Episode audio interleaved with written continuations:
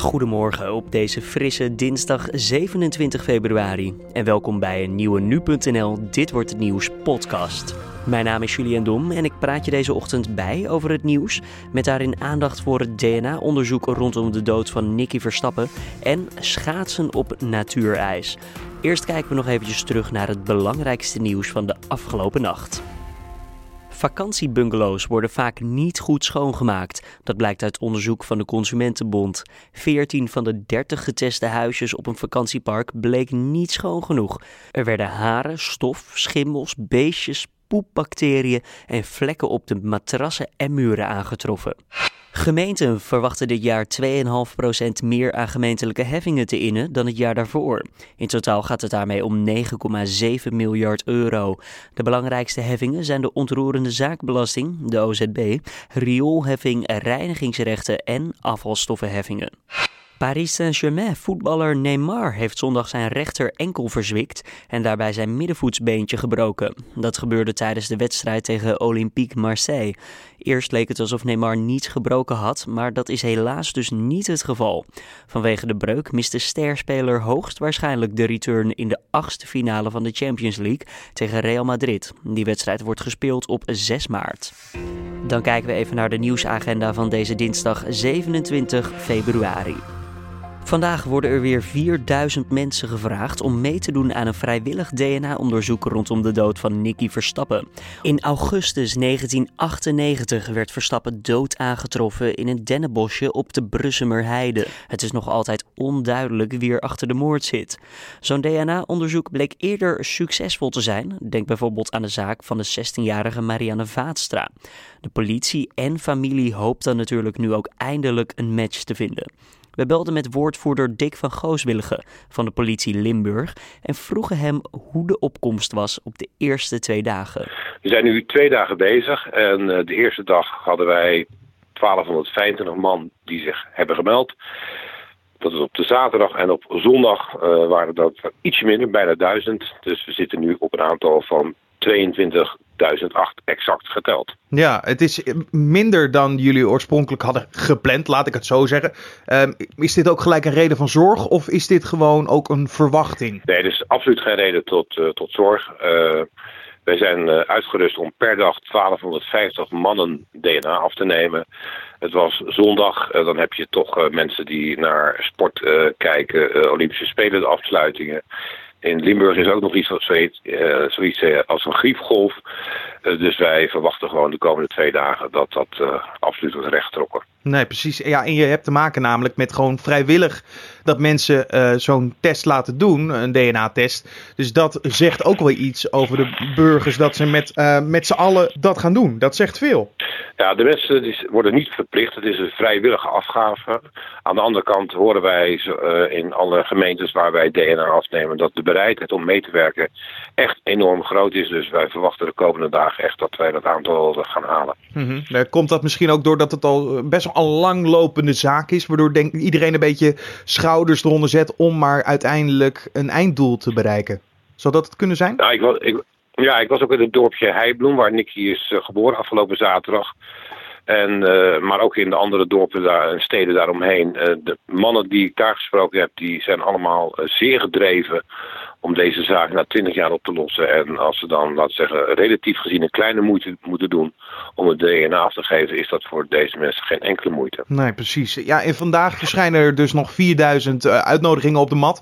En wat zijn daar de verwachtingen van? We hopen dat dat precies hetzelfde is. Dat is dan buiten de plaats delict, dus uh, buiten de plaatsen Heerlen, uh, Brunsum en Landgraven. Dat is in de rest van uh, Limburg, maar ook in de rest van Nederland. Want we willen graag ook DNA afnemen van de mannen die uh, in 1998 daar woonden. maar inmiddels verhuisd zijn naar andere plaatsen in Nederland. En wat wij horen gewoon in Limburg, maar ook daarbuiten, is dat mensen echt willen meewerken om dit ja, deze zaak, en vooral voor de ouders, wat een slopende zaak is om deze uh, op te lossen. Ja, ja. Hoe, hoe, hoe zitten zij hier in dit proces? Volgen zij het per dag of uh, laten ze het ook wel heel erg rusten tot de einddatum? Hoe gaat dat in zijn werk, denk je? Nou, ik heb de familie een aantal keren gesproken en uh, voor deze mensen is 20 jaar geleden de klok stilgezet. En het is voor hen echt iedere dag opnieuw een slopende zaak. en zij willen heel graag antwoord op de vraag: wat is er met Nicky Verstappen gebeurd? En dat antwoord kan gegeven worden wanneer zoveel mogelijk mensen DNA gaan afgeven. Ja, want hoe, hoe groot is die kans dan dat er een dader gevonden wordt? Het is een periode tot en met 18 maart dat de testen worden gedaan en nog andere zaken. Maar hoe groot is die kans? Nou, wij hopen natuurlijk wel dat we uh, uiteindelijk uh, tot een 100% match uh, zullen komen. Wat er nu de komende weken gaat gebeuren is dat DNA afnemen. Rond de plaatsdelict in Limburg en de rest van Nederland. Dan gaan al die DNA-sporen die gaan naar het Nederlands Forensisch Instituut in Den Haag. En die gaan dan kijken of er een mogelijke match is. En ja, dat kan nog wel weken en misschien nog wel maanden gaan duren voordat daar antwoord op die vraag is.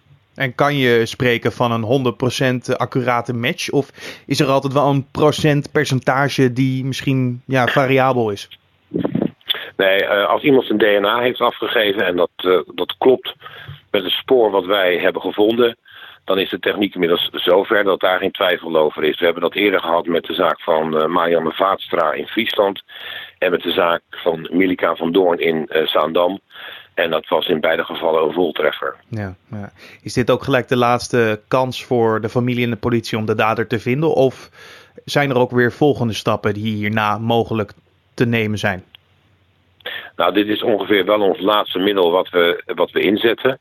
Uh, we willen eigenlijk niet denken aan het feit dat we uh, toch op een soort doodspoor uh, terechtkomen. We denken daar natuurlijk wel over na. Maar door zo'n grootschalig DNA-verwantschap op te zoeken, moeten we uiteindelijk via familieverbanden toch wel in de buurt van de man komen waar wij heel graag mee willen spreken. Ja, in ieder geval dus een oproep naar iedereen die in de regio woont, woonde of maar iets te maken had in de regio. Doe zo'n onderzoek en help iemand anders ermee en zeker de familie. En ook zeker de mensen die uh, in de rest van Limburg of in de rest van Nederland, want dat zijn er ook enkele honderden, ook zo'n brief krijgen.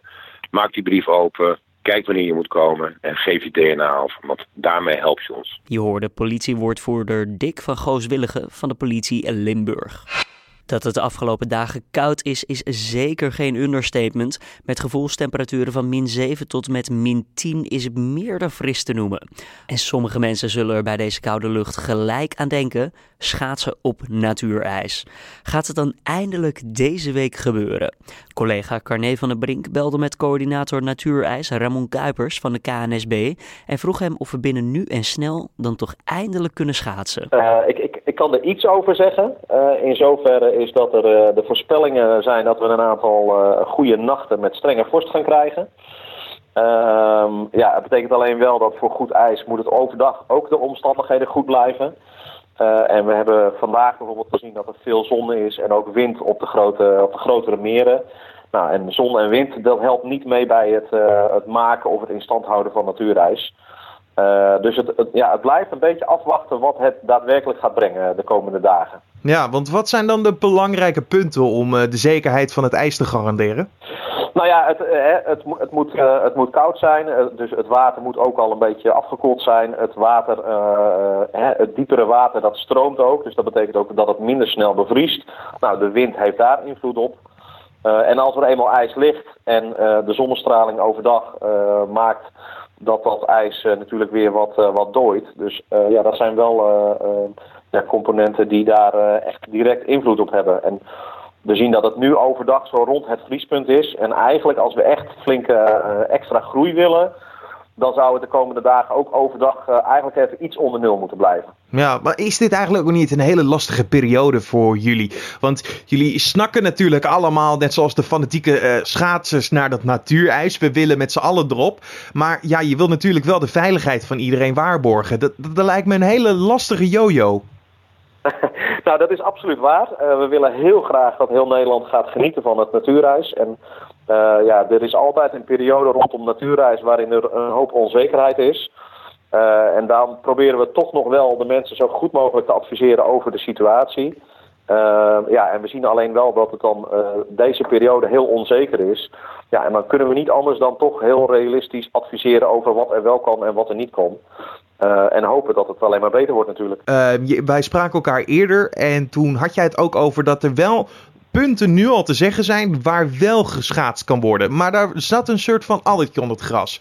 Wat waren die punten en uh, hoe bijzonder was dat eigenlijk dan?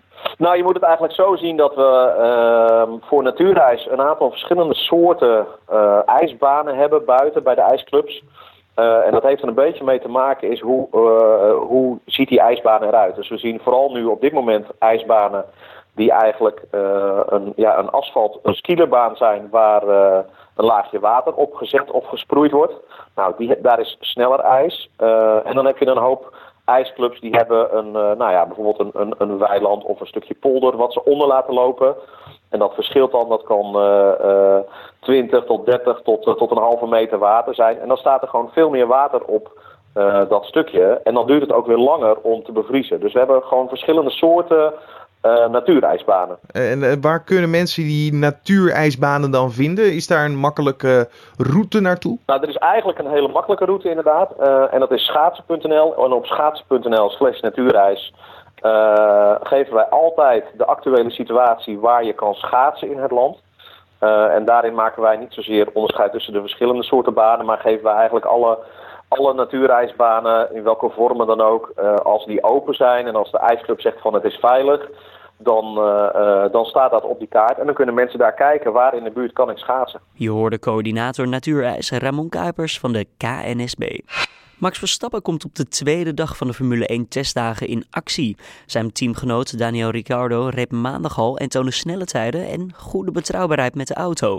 Red Bull teambaas Christian Horner zei dat Verstappen vooral zoveel mogelijk ronden zal gaan rijden. En treinreizigers in België moeten rekening houden met overlast vanwege stakingen. Het overheidspersoneel in heel het land legt het werk neer uit protest tegen regeringsplannen. Die plannen zouden het pensioen van ambtenaren met een zwaar beroep aantasten. Vandaar dat het spoorpersoneel dus ook staakt. Dan het mediaoverzicht van deze dinsdag. De schietbanen van de politie zijn onveilig. Daardoor lopen agenten gevaar, meldt de Telegraaf. Veiligheidscontroles die zijn beloofd worden niet uitgevoerd. De politiebond ACP wil dat de schietbaan in Amsterdam per direct wordt gesloten. Er wordt volgens de bond gewerkt met een verouderde baanconstructie uit 1995. Duizenden ondergrondse opslagtanks voor diesel moeten de komende jaren mogelijk worden vervangen. Doordat er biodiesel wordt bijgemengd, groeit het aantal bacteriën dat de wanden van de tanks aantast. Dat valt te lezen in de Volkskrant. Uit onderzoek blijkt dat sommige tanks al roestputten hebben. En de staking van piloten van Transavia zal de luchtvaartmaatschappij veel geld kosten. De verwachting is dat de 15.000 gedupeerde reizigers samen 5 miljoen euro claimen. Dat als compensatie voor de urenlange vertragingen, schrijft de Telegraaf. Transavia erkent in de krant schadeplichtig te zijn. Dan nog even een snelle blik naar het weer van deze dinsdag. Vandaag is het afwisselend zonnig en bewolkt. De kans op een enkele sneeuwbui blijft bestaan, vooral in het uiterste noorden van het land. Het blijft smiddags vriezen met een maximale temperatuur van rond de min 1 graad. Voordat we stoppen nog eventjes dit. Ze is de bewaker van de rust en vrede in Amsterdam, autoriteit op de televisie en introduceerde de term eterdiscipline. Nou, dan weet je waarschijnlijk over wie we het hebben. Ellie Lust. Ze is jarenlang politiewoordvoerder van de regio Amsterdam. En sinds haar deelname aan Wie is de Mol is ze ook een, nou, je kan wel zeggen een echte culthit. Ze krijgt nu haar eigen programma bij de Avrotros. En wat je te zien krijgt in Ellie op patrouille, legt ze zelf even uit. So no insults, no accusations, oké? Okay? Wij gaan samen uh, op patrouille. Israel is not a regular country. We're always at war. Als ik daar sta, dan voel je aan alle kanten dat er op elk moment iets kan gebeuren. Het is niet echt een show natuurlijk. Hè. Het is een documentaire serie.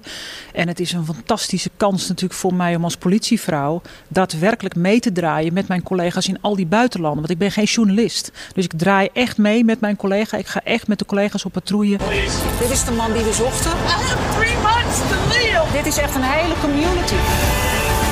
Nou, San Francisco is een stad die vergelijkbaar is met Amsterdam. Uh, maar daar leven 6000 daklozen op straat.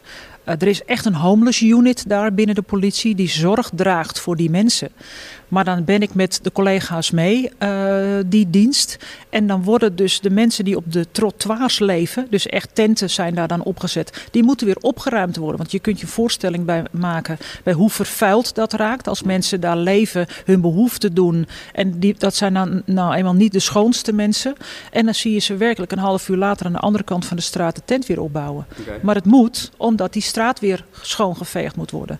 Dus dat is een heel soms heel toekomstloos beeld. En daar heb je wel als diender, als politieagent, elke dag mee te maken. Don't worry about me. I'm a real police officer. Het programma Elio Patrouille is vanaf vanavond elke week om vijf voor half tien te zien op NPO 1. Dit was dan de Dit Wordt Het Nieuws podcast van deze dinsdag 27 februari. De Dit Wordt Het Nieuws podcast is elke maandag tot en met vrijdag te vinden op nu.nl om 6 uur ochtends. Heb je mening over de podcast en wil je deze delen, dan kan dat natuurlijk altijd via redactieapenstaartje.nu.nl of laat een recensie achter op iTunes of Soundcloud. Voor nu, tot morgen.